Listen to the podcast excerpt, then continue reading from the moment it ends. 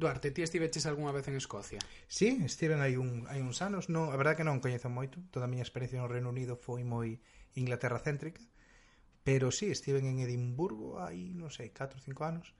E a verdade que gustoume moito. Unha cidade moi bonita, recordame Santiago. Fun precisamente cando se celebraba o St. Andrews, que é mm, pues, o Día Nacional de, de Escocia. E aproveitei iso para comer haggis, que non deixa de ser unha unha tripa rechea de, de vísceras que está sorprendentemente rica. E a mí vi... encantame a carne, pero co haggis tereino que probar. Pero, pero a ver, iso, iso, iso no, é como no. quen come callos ou como quen come un botelo ah, ou algo así. Pero o aspecto é moito peor. O aspecto é, é terrorífico, é asqueroso, pero sabe sabe rico, sabe rico. E tamén unha cousa que me gusta moito de Escocia é que a xente vai en sai, ou dicir o, o, do, o do kilt sí, sí. Eh, é, é, de verdade, é dicir, iso pasa, non, non todos os días pola rúa pero como traxe de eu tiña entendido que era só para celebración claro, pero como traxe ceremonial, pois pues este día que foi que era, cando fora eu, que era o día de San Andrews o día nacional, sí que se veía xente co, co kilt, había tendas vendendo kilts e incluso en Inglaterra, cando ainda traballaba de camareiro nos meus nos meus tempos si que cando ia algún acto así formal a xente que era escocesa levaba o kilt e o traxe, tra, traxe tradicional eu lembro de ver a un home con kilt na Coruña pero creo que igual estaba borracho igual. sí, creo que teña máis que ver con iso E ti que estive en Escocia alguna No, vez? nunca fun, nunca fun E teño previsto porque xa van dous anos aquí E, e non coñezo nada E teño ali moi bons amigos que poden dar aloxamento fácil Pero teño moitas ganas Sobre todo de facer ruta Glasgow um, Edimburgo e coller o mm. carro ir cara as Highlands, cara ao norte, mm. a Illa de Skye e todo iso. Ves, eso algo que sempre tiven ganas de facer, ir a ver facer a ruta dos castelos, ves, eso si sí, ainda non o teño, sí. non o teño feito. Pois sí. Imos ter que gravar un té con gotas algún día desde turístico. Ali. Turístico, claro, sí. de turisteo en nas Highlands. Sí. Bueno, ata entón imos falar de Escocia, pero de política. Dentro, dentro. Think about Brexit. What, what's that? Like? Order! The nose to the left. 432. With the light, with the music, very welcome everybody here. A Brexit question in English, if you don't mind. Bueno, no, hombre, no lo vamos a hacer. Venga, adelante. ¿Quiere usted hacer el puñetero favor de largarse de aquí y de... No va usted a hacer nada ya. Would you like a cup of tea? Yeah, sure. Go on, have a cup of tea. Thank you, thank you.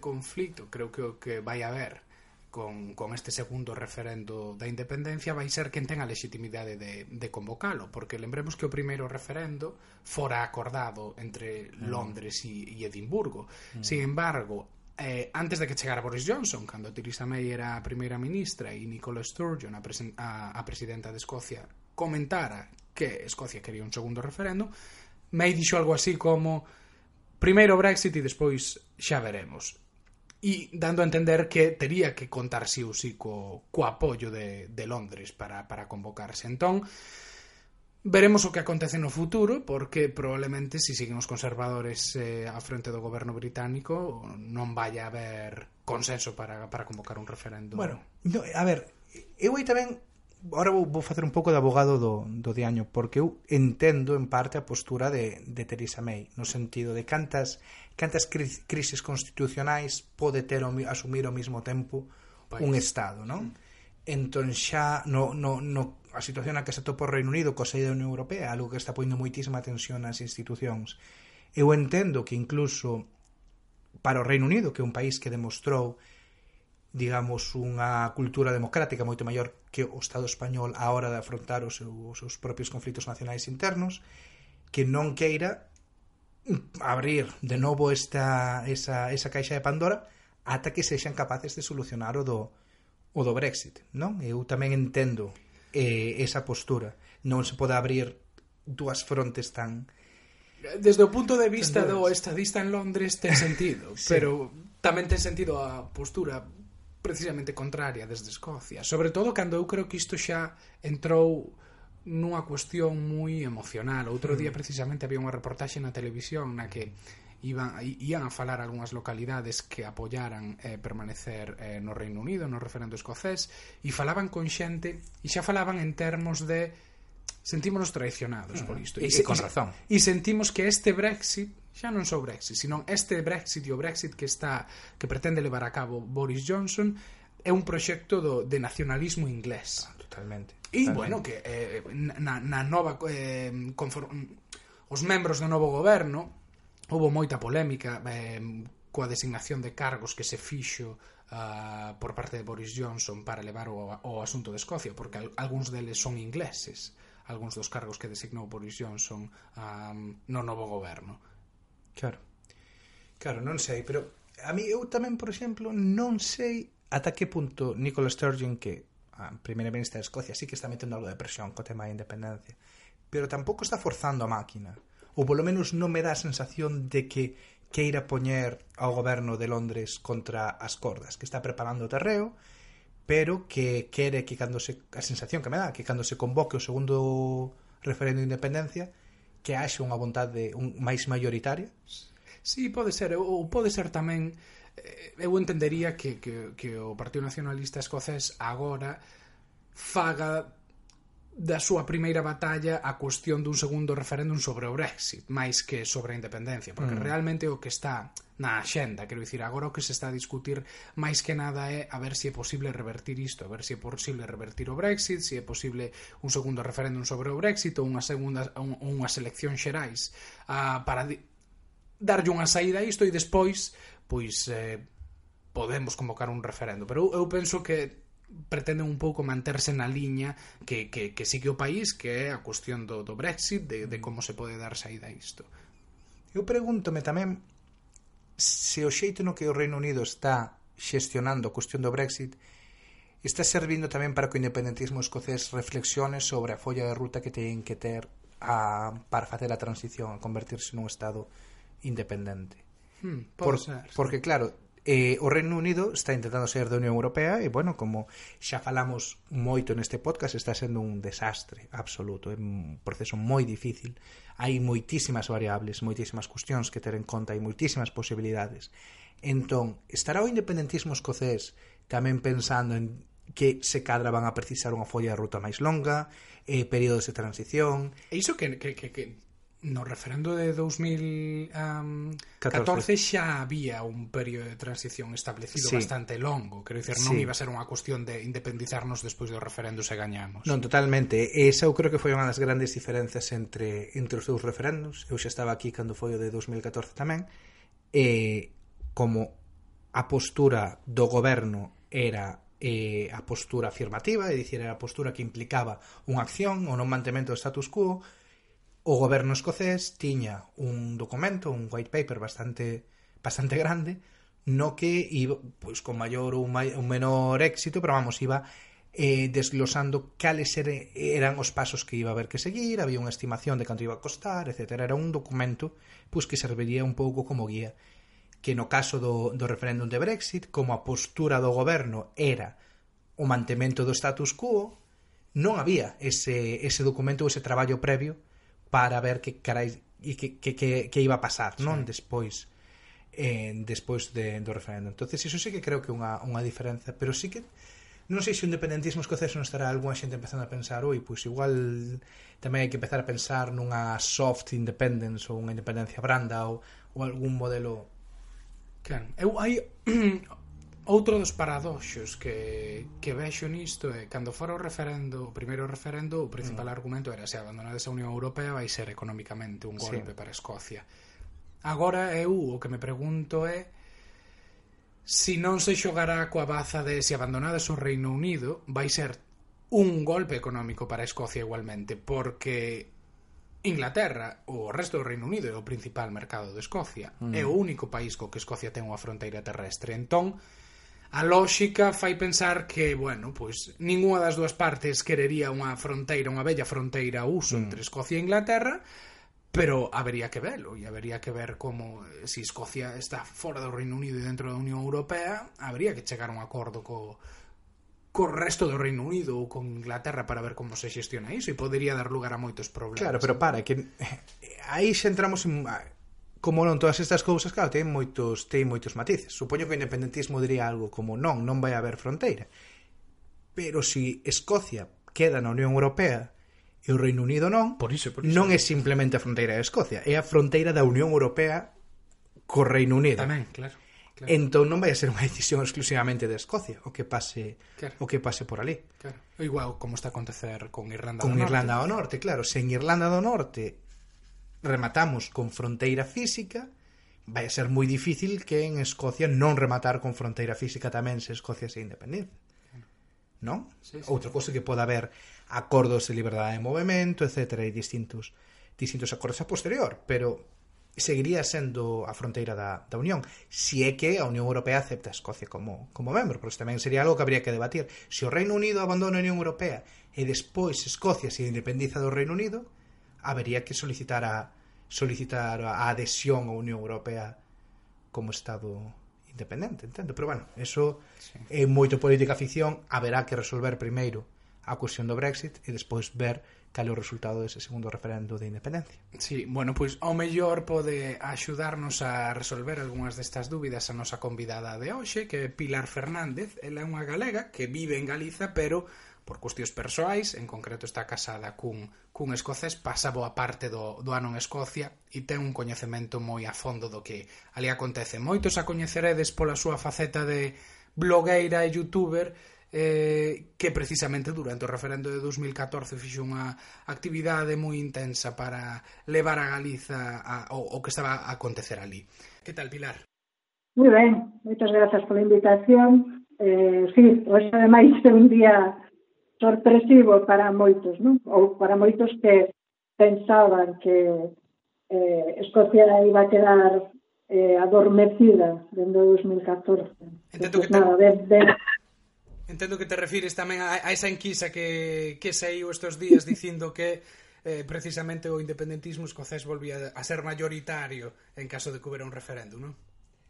Pois sí, pois sí, xusto hoxe aparece publicada en exclusiva para Hollywood Magazine unha enquisa de Lord Ashcroft que eh, indica claramente algo que moitos xa sabíamos que iba a acontecer pois co, coas, eh, bueno, pois cos sucesos do Brexit, non? tal e como iba camiñando todo o debate, todos os acontecementos do Brexit, entendíamos que tarde ou temprano o problema escocés que está sin resolver vai, vai ter unha solución pois, a curto medio plazo moi claro, e é que o apoio popular e independencia vai incrementándose eh, claramente, non?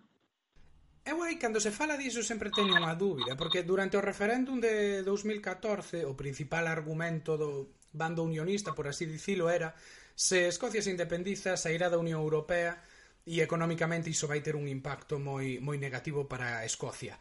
Agora mesmo, en caso de que se plantexe un, un referendo para sair do Reino Unido, a pesar de que iso implique quedar na Unión Europea, eu pregúntome se non terá tamén pois un impacto importante a cuestión económica, porque queirámolo ou non, Inglaterra, ou o resto do Reino Unido son o principal mercado para, para Escocia. Ti pensas que podería disuadir a moitos escoceses bueno, pois o feito de, de pensar que sí, seguiríamos na Unión Europea, pero teríamos unha fronteira co único país co que temos fronteira terrestre que, que o Reino Unido. Pensas que ese argumento podería disuadir a moitos de votar pola independencia desta volta?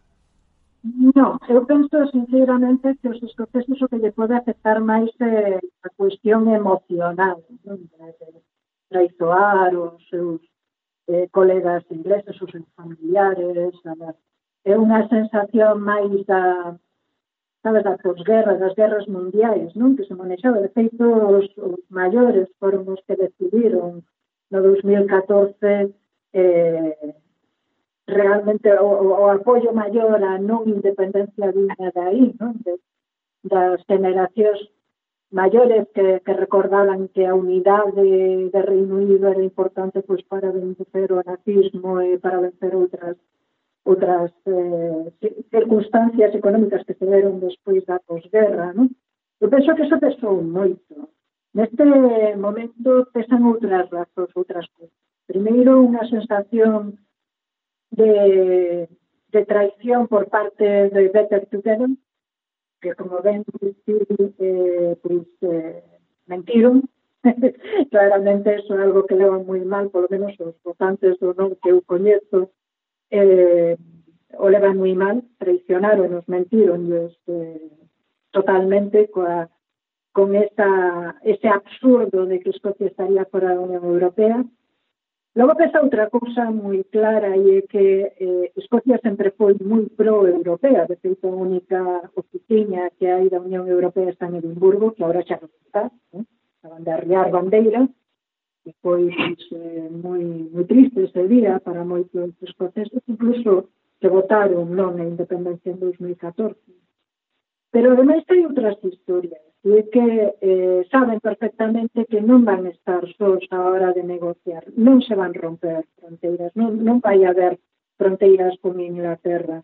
Eh, é unha falacia, non? É, é, unha, é outra mentira máis, é outra eh, das das falsedades que se utilizaron durante o 2014, este argumento xa se utilizou durante o 2014, e agora se volverá a utilizar, seguramente, igual que o cambio dos, dos bancos.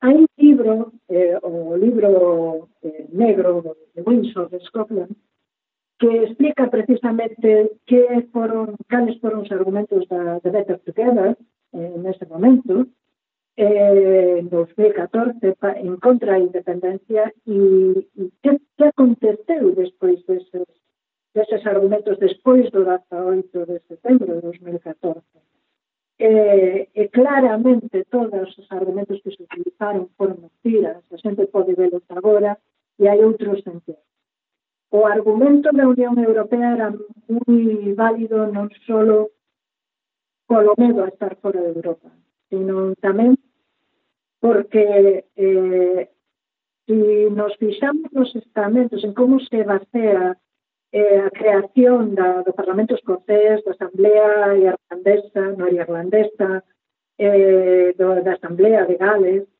eh, ten fundamentos nas leis europeas. entonces aí o que está en xogo non solo é a defensa, o sea, tema económico, que sen dúbida Escocia vai desarrollar moito máis per se eh, en caso de ser independente e moitos non votantes agora o ben claro. Segundo, eh, saben que esta cuestión de pechar fronteiras con Inglaterra é unha falacia totalmente porque se necesita Inglaterra necesita Escocia, debe necesitando Escocia eh, durante a creación da Unión, ¿no? de, de, de acta de Unión. Pero por outra parte tamén está a idiosincrasia o Parlamento eh, a devolution. E está a, o poder o poder eh, as competencias que reciben a Unión Europea e que agora mesmo pois, Westminster tal e como o xestionou Theresa May e como vai xestionar Boris Johnson esas eh, competencias poden desaparecer. E incluso a xente que era autonomista por excelencia mm, ve que eh, o Brexit e, sobre todo, un non acordo no Brexit pode levar á desaparición dun Parlamento escocés, da Asamblea Galesa, pois poñer en perigo a, os acordos de entrevistanzo en, en Norirlanda e tamén eh, os, os granxeiros galeses eh, están despertando e eh, falas falamos agora da enquisa da, da, da independencia de Escocia, pero hai que recordar que hai uns días tivo lugar unha manifestación eh, independentista máis grande en Gales. entonces non creo que eso vaya a afectar. Eh, penso que as cuestións máis eh, bueno, non vos mallades, quedade vos, como utilizaron no 2014, poden afectar un pouco máis, pero menos, eu penso que menos. E valorando un pouco a xente que eu coñezo, porque non se pode falar en xeral, non? E que se pode mirar as enquistas, eh, claramente subiu esta enquisa que saliu hoxe, por exemplo, hai un 67% de apoio á Unión Europea eh, en caso dun segundo referendo de Brexit. Eh, é, é máis puntual, son, son varios puntos, cinco puntos eh, porcentuais en canto ao que foi o referendo de Brexit.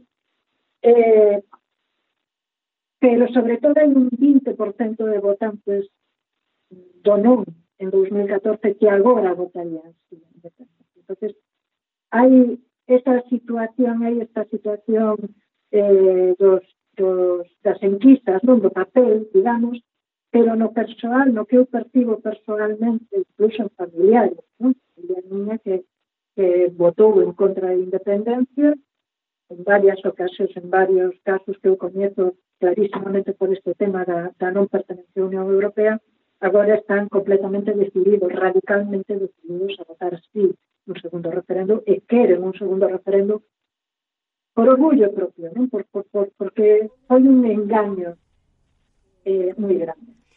Eh, Pilar, unha pregunta. Eh, claro, falamos, neste caso parece que a hora de falar de independencia de Escocia está todo moi relacionado con como se soluciona a cuestión do Brexit, que segue a ser unha gran incógnita sobre como como se vai a solucionar iso, se agora con Boris Johnson, aínda que aumentan as posibilidades de que non haxa acordo, sigue habendo posibilidades, pois de que, por exemplo, haxa un segundo referendo eh, sobre, sobre acordo coa posibilidade de quedar.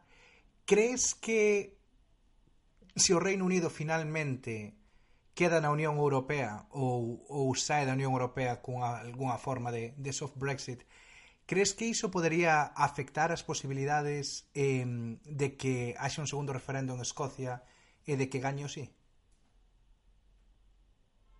Eh, eh, non, non o penso. Eh, penso que neste momento xa eh, se rachou totalmente romper unha baralla. Sabe?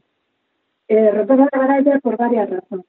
E é que eh, Nicola Sturgeon, a primeira ministra, tiña un mandato claro ganado nas eleccións,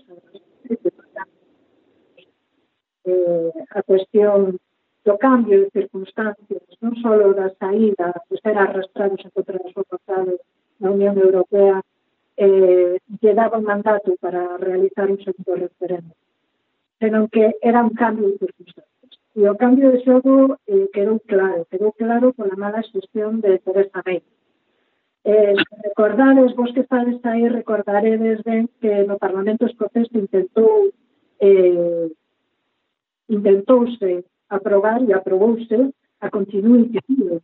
A Continuity Bill era unha serie, unha lei para, eh, de algún xeito, eh, salvaguardar as competencias que recibían no Parlamento Europeo, que pertence xa ao Parlamento Escocés, como a pesca, a agricultura, eh, a ecología, hai moitas, hai 111 competencias distintas que residen en leis europeas. Non? E o que fixo o goberno británico foi bombardear e levar a corte supremo esta lei, dicindo que non era competencia do Parlamento escocés, cual o que están facendo é atacar a Scotland, a lei escocesa, que é na que se fundamenta parte, gran parte da, da acta de unión. Scotland é intocable. Entonces, eh, mentras levaron a Constitución Civil a Corte a Suprema, o que fixeron na Cámara dos Lores foi cambiar o texto do Brexit, da lei de Brexit. E foi eh, unha manobra sucia, moi sucia, o cual a credibilidade da boa fe eh, da, da primeira ministra do goberno de Westminster con respecto a, ser respetuoso e, e integrar as, as peticións de Escocia, polo menos de quedar no mercado único eh, de manter a libre circulación de persoas, se sabe perfectamente, sabese perfectamente que quedou en nada. Eso é algo que preocupou moito e que preocupa moito na, na opinión pública escocesa.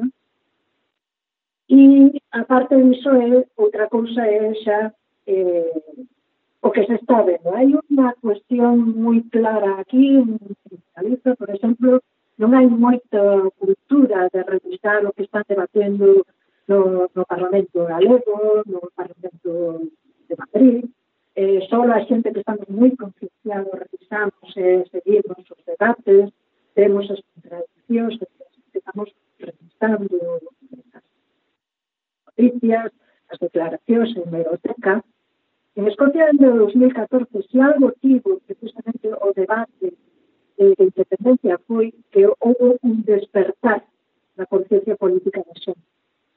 E a conciencia política da xente implica que todos os deputados que se mandaron do Scottish National Party a Westminster implica seguimento dos debates, das comisións. A xente sigue as, as, as, eh, os debates no Parlamento Escocés pero sobre todo en Westminster.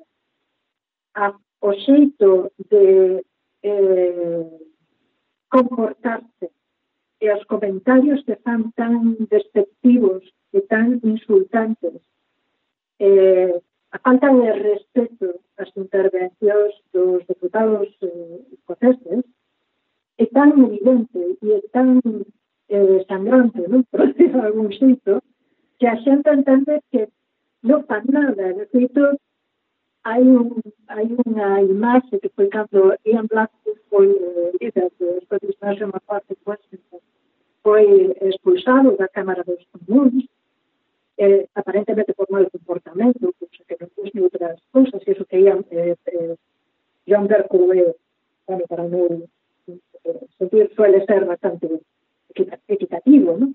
Pero en este caso marchó, y marcharon todos los os deputados escoceses. E a xente pensaba que xa era inminente o segundo referéndum. Precisamente nesa, nesa batida. Non? Entón, saben que non teñen nada que facer. Saben cal é a posición, a postura dos eh, deputados escoceses en Westminster, saben cales son as defensas, ven que a primeira ministra está intentando por todos os medios hasta participou na campaña, integrouse eh, explícitamente e foi criticada por esa resposta eh, na campaña do sector referendo eh, por, para, o, para o Brexit e ven que é imposible, de que non hai xeito, que ademais a tendencia de Westminster, a tendencia eh, en Londres eh, radicalizar máis a dereita e ahora máis porque necesitan retomar, igual que pasou con UKIP, retomar e eh, rexuntar eh, toda a extrema dereita e toda a dereita ¿no? E, eh, por outra parte, ese laborismo está fracasado e que non hai alternativa. entonces eso, eh, dende os sentidos escocés, pase o que pase, vai haber un segundo referendo independiente independientemente de que non haxa Brexit. Por que? Porque Escocia non ten futuro nesa, nesa, eh, nese artificio ancestral que é arcaico que, que é o Westminster. E xa para ir concluindo, porque claro, a, o apoio á independencia eh, en Escocia non se pode entender sin o ascenso político dos últimos anos do SNP, do, do Scottish National Party, o Partido Nacionalista Escocés. Eh, claro, para que non o saiba, na, nas eleccións de 1999, por exemplo, o Parlamento Escocés, o SNP non era nin, nin un terzo da Cámara. Eh, en 2011, por exemplo, pues, tiñan maioría absoluta, creo recordar, se non andaban moi preto. Que, baixo o teu punto de vista, Que aconteceu aí? Que fixo ben o Scottish National Party para, para convertirse no, no principal partido de Escocia? En cuestión de 20 anos de ser unha forza moi minoritaria a, a telo telo todo, claro, prácticamente. Foi, foi a, a, a evolución diverxente do que puido ser o BNG nos, no, nos sí. 90, pois pues estaría aí no... no aí, aí a pregunta que foi o que fixo mal o laborismo, non? O laborismo, desde logo, o que fixo foi unha deixación de principios totales e o Scottish National Party Partido Nacional Escocés o que fixo foi acumular, retomar as políticas do laborismo, facelas de sí, non? facelas propias, eh, con un componente máis identitario. Entonces, aproveitarse totalmente das contradiccións laboristas. E o que fixo é unha cousa que, que mellor eh, poderíamos pensar moitos, foi ir acumulando e aglutinando eh, xente afín, xente afín eh, pois dende o lado máis eh, unionista no, no trade union, no, de sindical, hasta moderados de, de centro, no, de nacionalistas de centro. E foi o que fixo, foron crecendo eh, en base a fortalecer as políticas que facían falta para o país Pero aparte, retomar esa parte social, de feito, as políticas sociais que non lle, lle parecen pequenas, non? Pero se si vedes o que, o que fai o, o goberno escocés, eh, pois son políticas progresistas e, e seguramente poderán facer moito, moito menos, pero que están pillados precisamente por toda esta situación provocada polo, polos toros. O Partido Laborista Escocés simplemente eh, pois abaixo. Pois abaixo desapareceu, basicamente. De feito, eh, eu non sei que vai pasar con eles Ahora, con, con esta nova líder dos liberaldemócratas, a historial dos liberaldemócratas, posiblemente moitos laboristas voten dos liberaldemócratas en Escocia, pero a maior parte do voto laborista foi recollido por os propios nacionalistas. Bueno, Pilar, pois eh, moitas grazas por, eh, pola conversa. Seguiremos pendentes nos próximos meses a ver que pasa en Westminster co Brexit e que pasa en, en Escocia co, eh, coa independencia. A ver se si nos, eh, si vemos que hai un referendo eso nos próximos, no próximo ano, ou nos próximos anos.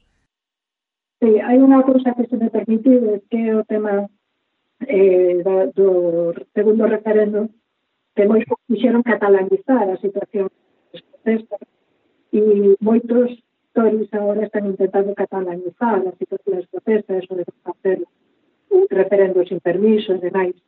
E hai que recordar, e xa dentro agora, e con isto remato, que uh, existe na acta da Unión o Claim of Rights for Scotland, que foi aprobado ratificado 4 de xullo de 2018, e está ratificado o dereito a reclamar de Escocia de facer un referendo que decida canto queira. E iso está recollido tanto na lei inglesa como na lei escocesa. Entonces, isto vai dar moito xogo e, si, efectivamente, haberá que estar moi pendiente porque entendo que antes de marzo do 2020 teremos noticias moi sustancias. I, iba a recordar únicamente que hai uns, eh, hai uns meses precisamente cando Nicolas Sturgeon sí que quixo ou estaba insistindo na, na, na vontade de convocar un segundo referéndum cando Theresa May ainda era primeira ministra así que lle dixera algo así como agora non toca entón está claro que aí vai haber aínda moitas moitas tensións a ver como, como se xestiona iso pero bueno, pois eso, Pilar, moitas grazas polo, polo teu tempo e eh, seguiremos eh, seguiremos pendentes o que acontece en Escocia. Moitas grazas. Gracias a vos.